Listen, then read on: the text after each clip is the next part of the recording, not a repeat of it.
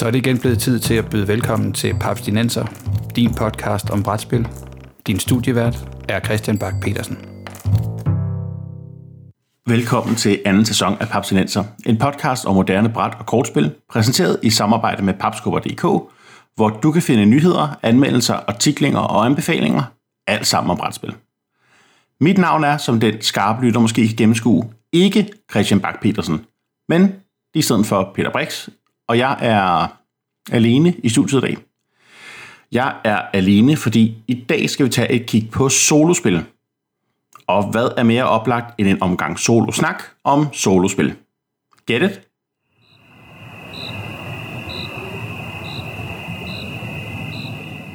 Okay, tough crowd. Jeg forstår et hint. Um, I stedet for Peters stand-up team, så kan vi jo passende gå videre til en snak om solospil. Det er vel derfor, vi er her. Sidst vi snakkede om solospil var tilbage i afsnit 69 september 2018.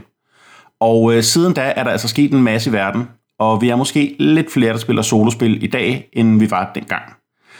Tilbage i episode 69 var det i hvert tilfælde heller ikke noget, jeres værter gjorde sig særlig meget i.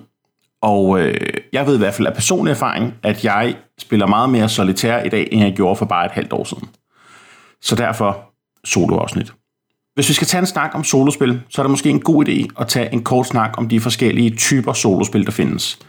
Jeg har øh, tilladt mig at kort kategorisere dem i tre hovedtyper af spil.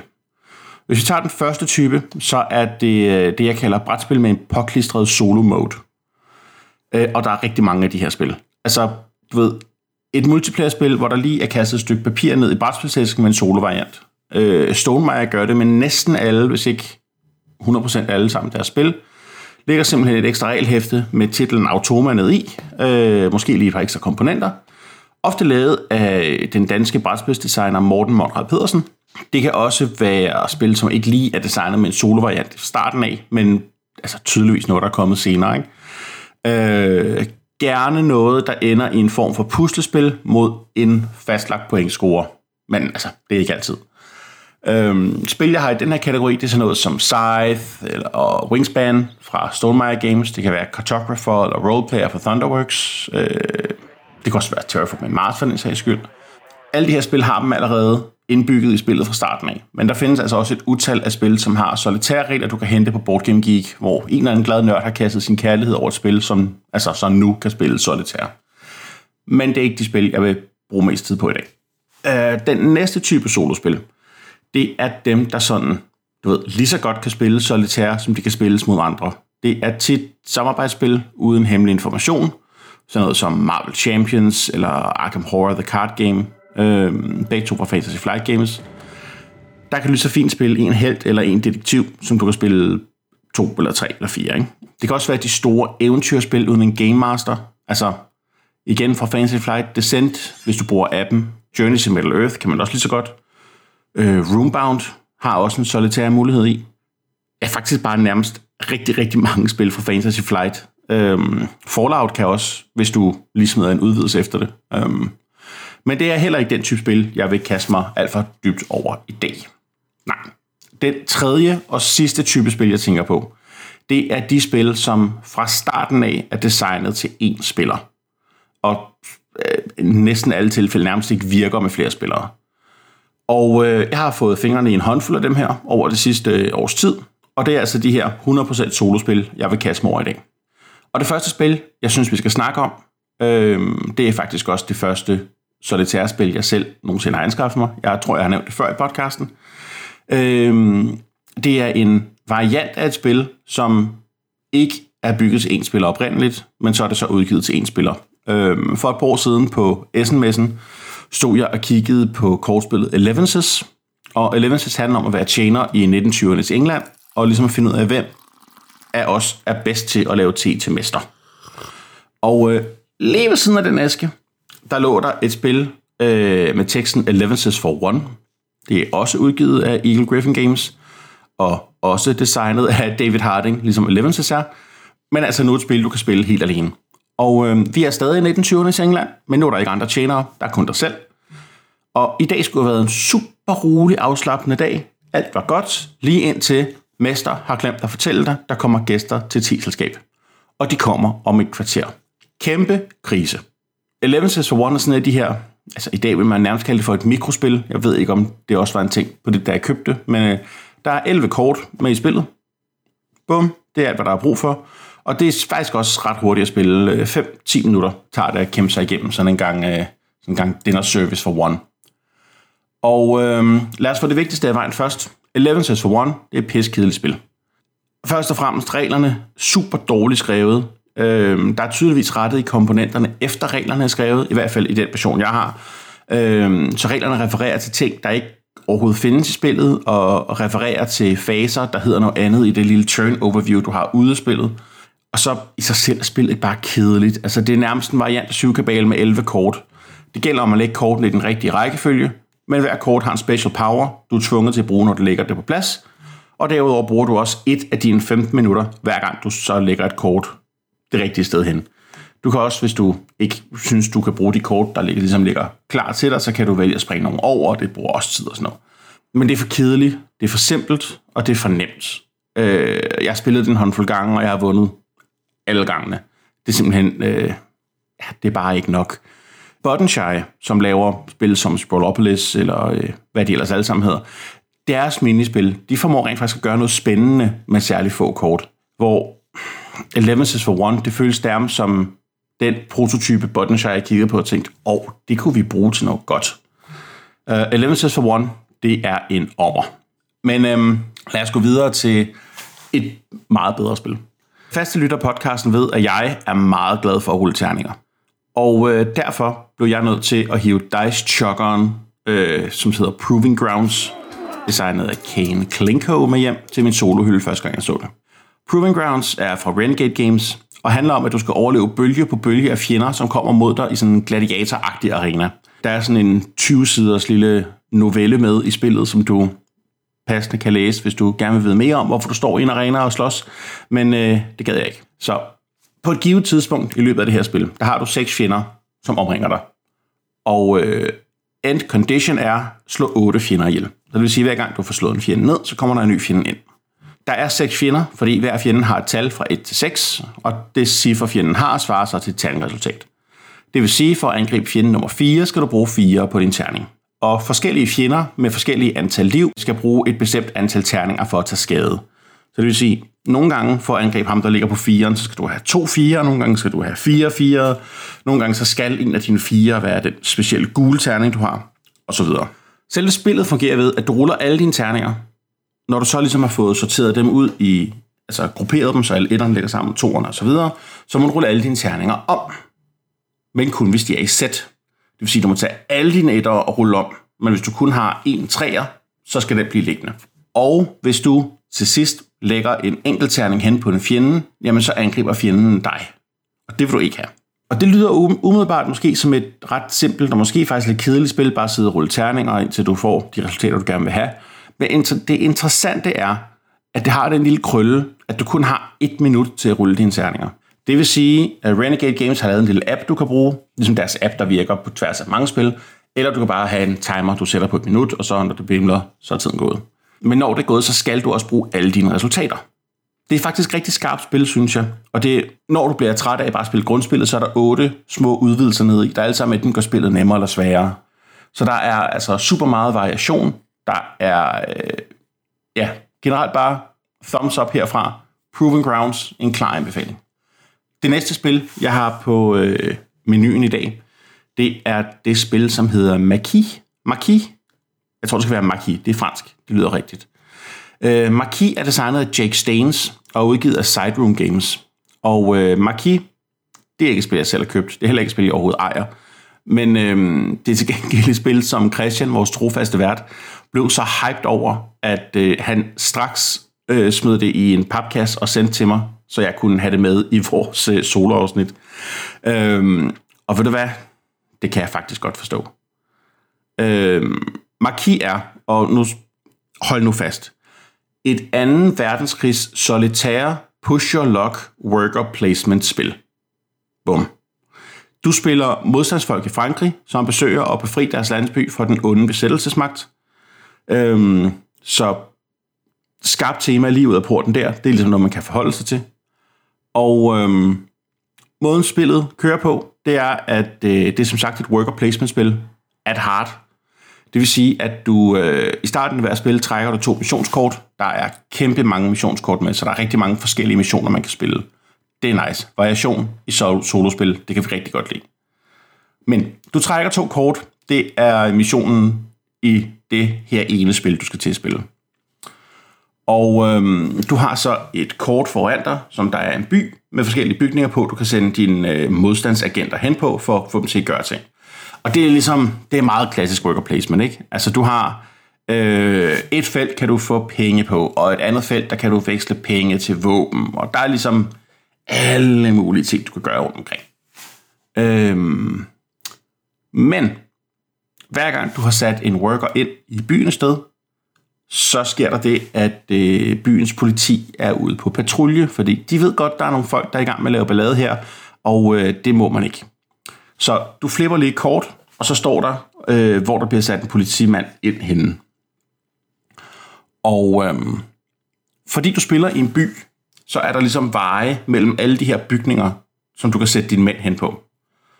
Og hvis de her politimand stiller sig således, at du ikke kan komme hjem mere, det vil sige til dit øh, safe house, der er der tre veje, der går ud fra, og hvis politimanden stiller sig sådan, så du ligesom bliver spærret inde sted, jamen så bliver din, øh, bliver din, din worker, din modstandskæmper altså anholdt. Og så kommer man ikke hjem med din ressource, og du mister en worker. Det er alt sammen super trist. Med mindre altså, at du har givet ham et lille pistol med på turen. Problemet er bare, at hver gang du skyder en betjent, så sidder der en, øh, en nazileder nazi-leder et eller andet sted og siger, hov, der sker noget inde i den der by, vi må hellere lige sende nogle soldater derhen. Så du kan ligesom, du har dit Hail Mary, som er, okay, jeg er spærret inde her, jeg kan ikke komme hjem med min ressource, jeg mister en mand, jeg kan godt klare det den her gang, men så kommer der altså en stærkere fjende ind. Og de her soldater, dem kan du ikke bare skyde, fordi de er veltrænede, dygtige nazister. Fy for det, det kan vi ikke lide. Og hver gang, at du, der kommer en soldat ind i byen, jamen så sker der faktisk også det, at byens morale falder. Og hvis der kommer for mange soldater, jamen så er byens morale så lav, at den bare har overgivet sig, og så har du tabt spillet. Det er ligesom en af måderne, du kan tabe på. Ikke? Og det er så her push your luck elementet kommer ind. Fordi du kan jo faktisk bare sætte dine workers ud, så de står i en vej. Fordi hvis du først har en worker et sted, jamen så kan, du, kan der ikke komme en betjent der. Så hvis du ligesom har sat dine workers i sådan en lige linje ud fra din by, så kan de altid komme hjem. Men til gengæld så har du ikke særlig mange dage at spille spillet over. Så jo mere safe du tager det, jo mindre sandsynlighed er der, er der for at klare dine missioner. Og det er så her push og lock tingen kommer, ikke? Fordi hvis jeg gerne vil have de fede ressourcer først, så bliver jeg nødt til at tage satset, at min mand kan komme hjem. Men jeg kan også bare spille den sikkert, og så bare først få det med på ture, og så håbe, jeg kan nå det hele. Og det synes jeg er en, øh, det er en rigtig, rigtig fed måde at tage et worker placement-spil, som er sådan en typisk meget sådan lidt, lidt tør euro-ting, og faktisk gøre den til super spændende, stadig euro-ting. Marquis genialt solitærspil. Det tager sine kendte mekanikker fra multiplayer-spil og twister dem lige på en måde, der gør det super interessant. Det er en kæmpe stor anbefaling herfra. Så kan vi gå videre til det spil, der hedder Super Hot. Super Hot. Det, hvis vi spillede computerspillet, så gav det, jeg lige gjorde, der mening. For alle jer andre, så bare ved, der er et computerspil, der hedder Super Hot, og det er der så lavet et en personers kortspil over. Super Computerspillet Superhot er en first-person shooter, hvor tiden kun går, når du bevæger dig. Det er et super interessant computerspil, hvis du er til computerspil. Spil det. Der findes også en VR-udgave, som skulle være helt mindblowing. Den har jeg ikke selv prøvet. Øhm, men spil det. Det er, øh, det er kæmpe vildt. Tilbage i 2016, tror jeg det har været, der baggede jeg brætspillet Beer Empire på Kickstarter.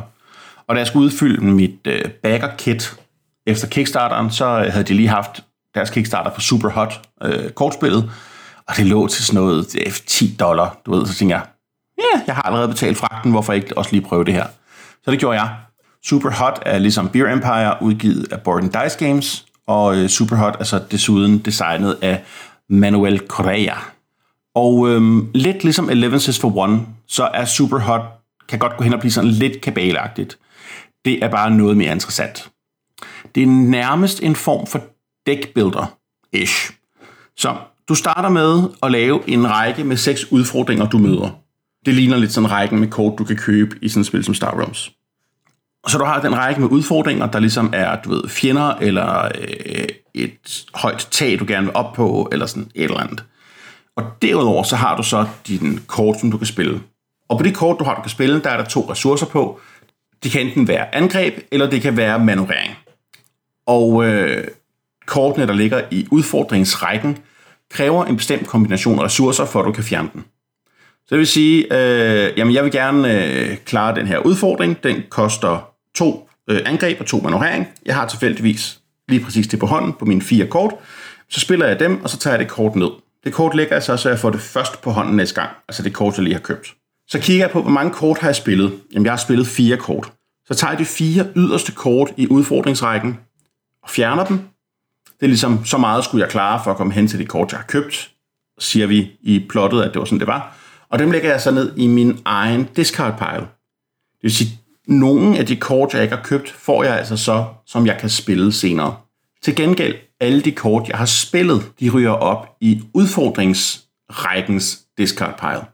Det vil sige, at hvis jeg har spillet det super fede kort, for ligesom at få adgang til et andet kort, så ved jeg, at det kort, det kommer og bider mig i røven senere. Og det er ligesom det her lidt brainburny, og hvordan, og så kommer de her kort ind senere, og så skal jeg lige, og så skal jeg huske, så får jeg også de her kort, og de er jo også meget fede, og det er super interessant, og det er super brainburny, men jeg kan faktisk rigtig godt lide det. Øhm, selve, selve spillet, du skal igennem tre levels, som vi kender det fra computerspil, for ligesom at klare spillet. Og det foregår simpelthen ved level 1, der er der en mission, du skal løse. Det kan være sådan noget øh, overlev X-ture, eller whatever. Level 2, der skal du bruge to missionskort. Og level 3, du gættede det, du skal bruge tre missionskort. Udover det, så kan du tabe øh, på en masse forskellige måder. Det er primært sådan noget, at hvis du løber tør for kort, enten i din draw pile, til du kan trække fire kort op, eller hvis du løber tør op i udfordringsrækken, til du kan lægge nok kort ud. Men derudover så er der sådan en ting med, at nogle gange, så de kort, der ligger op i udfordringsrækken, hvis ikke de er fjernet, så lægger de nogle kugler ind i enten dit dæk eller deres eget dæk. Og hvis enten hele din hånd eller hele udfordringsrækken er kugler, jamen så har du også tabt, fordi så er der simpelthen så mange kugler rundt om dig, at du ikke har en chance for at dodge udenom dem. Jeg kan godt lide Superhot, som jeg lige sagde. Det er lidt hovedpinagtigt. Og derfor, øh, det er ikke det første solospil, jeg hæver fra, men nogle gange, så har jeg lyst til det. Så Superhot er også et helt, helt fint solospil. Meget bedre end Eleven Says for One. Så kan vi gå videre til et spil, der hedder Coffee Roaster. Coffee Roaster er udgivet af DLP Fairlark, eller DLP Games, og er designet af en japansk spildesigner, som kalder sig selv for Sashi, eller Sashi, jeg ved ikke lige hvordan. Det er også lige meget. Super spændende spil. Coffee Roaster, det er et Eurogame om at lave den perfekte kop kaffe.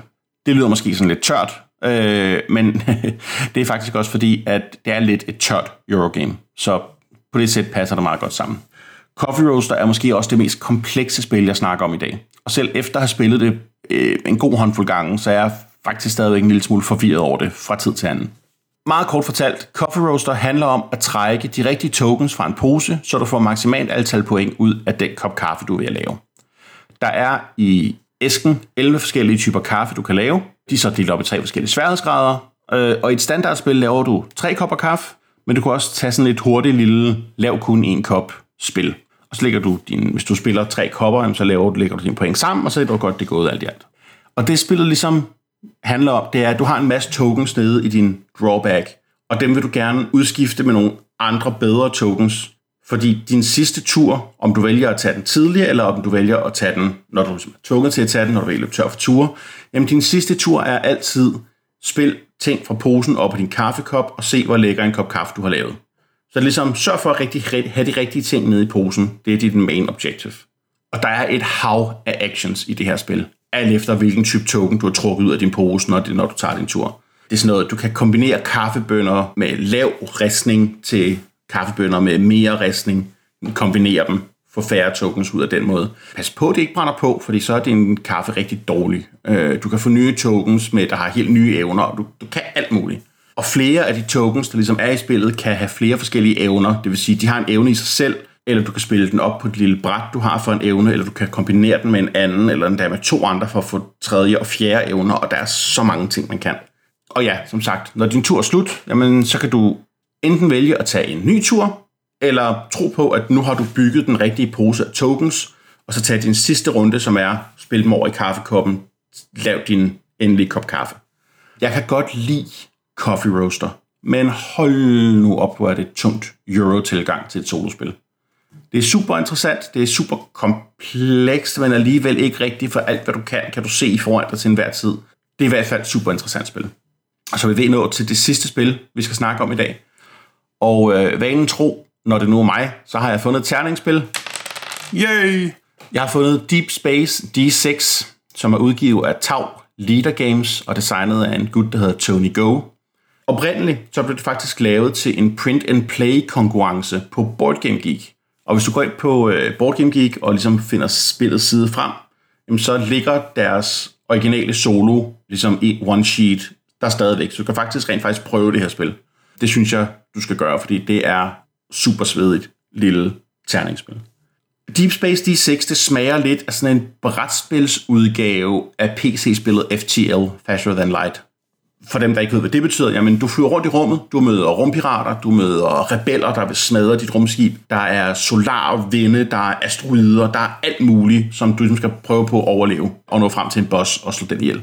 Med i spillet er der, jeg mener det er fire rumskibe, øh, hvor du så vælger et af dem til ligesom dit run gennem spillet. Og hver rumskib er bygget forskelligt og kan ligesom forskellige ting. Så ligesom her variationen ud over de mange terninger kommer med i. Så vælger du dit rumskib, du trækker et par udfordringer, du ligesom starter med. Det er oftest nogle fjender, du skal slås mod. Og så ruller du alle dine terninger. De forskellige terninger kan forskellige, altså forskellige terning faces kan forskellige ting. Det vil sige, en skydeterning, den kan sættes ind på at skyde nogen, og så fremdeles. Nogle af dem kan bruges til at lave dem om. Øh, men inden du overhovedet må placere dem, så er der sådan et øvhedsscanner-symbol. Og scanner-symbolet, det er simpelthen, der står en scanner øh, inde i din mainframe og bipper. Den har noget, den gerne vil fortælle dig. Så, du sætter, så der vil dine rummænd gerne løbe op, uanset hvad du gerne vil have dem til. Så du sætter alle terninger med scanningssymbolet op i det felt. Når du så har gjort det, så må du placere resten af dine terninger. De fleste rumskib har så tre scannerfelter, men det betyder så, at dine mænd er fanget derinde, indtil at du har fået fyldt dem op. Når du så har fyldt den op, jamen, så må du tage dem tilbage igen. Det er super fedt. Til gengæld så er den her scanner altså fundet noget.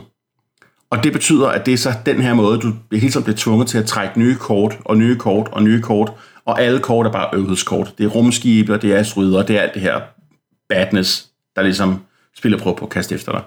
Og lander foran dig så. Så det er ligesom, scannerterningerne, de er øv, og så er det lidt ekstra øv ovenpå. Hvad er det ellers at sige? Jamen altså Deep Space D6, det er et hurtigt terningsspil.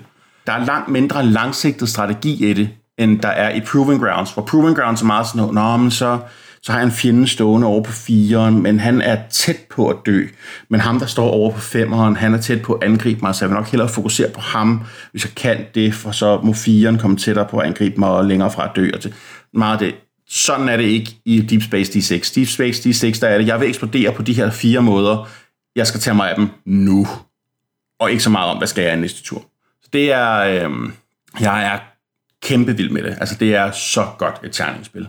Til gengæld, Tau Leader Games er ikke særlig gode til at holde Deep Space D6 i print. Så hvis du rent faktisk ser det, så køb det. Lad være med at tænke over det, bare køb det. Fordi det er, øh, det er et rigtig, rigtig skarpt lille spil, og det er pisse svært at få fingrene i. Men med det, så er vi nået slutningen af denne lidt specielle solo-episode. Man kan nærmest kalde den enestående episoder Papstinenser. Hvis jeg hurtigt lige skal vælge mine favoritter af de her solitærspil, jamen så er det Øh, Deep Space D6, det er Marquis og det er Proving Grounds. Det er ligesom dem jeg synes er allerskarpest. Og så smid os gerne lige et par ord, øh, hvis du gerne vil have mere af den her. Er det mere øh, snak om solospil? For der er de to andre typer, jeg slet ikke kan snakke om.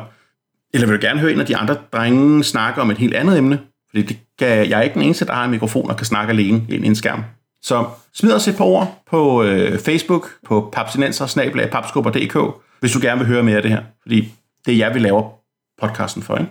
Find links til alle de spil, jeg har snakket om, samt tidligere episoder på papstinenser.dk eller papskubber.dk-podcast. Husk, du kan støtte papstinenser på tier.dk. Så kan du også være med i lodtrækningen næste gang, vi udvælger en lytter, der kan vælge indholdet af en bonusepisode, som er gratis for alle også tierstøtterne. Hver en krone for tier bliver brugt til hosting, bedre optageudstyr og promotion af brætspil som hobby. Du kan finde Papstinenser på iTunes, Spotify, Podimo eller hvor du nu ellers henter din podcast, og nu også på YouTube. Har du indspark til Papstinenser, er du altid velkommen til at sende os en e-mail på papstinenser Papstinenser er produceret af Bo Jørgensen, Christian Beckmann og Mike Ditlevsen. Normalt har du øh, Christian Bak petersen og Morten Greis med i studiet, men øh, i dag har det kun været mig. Og mit navn er Peter Brix, og på vegne af Papstinenser mener jeg alle om, der er ikke nogen skam i at spille alene.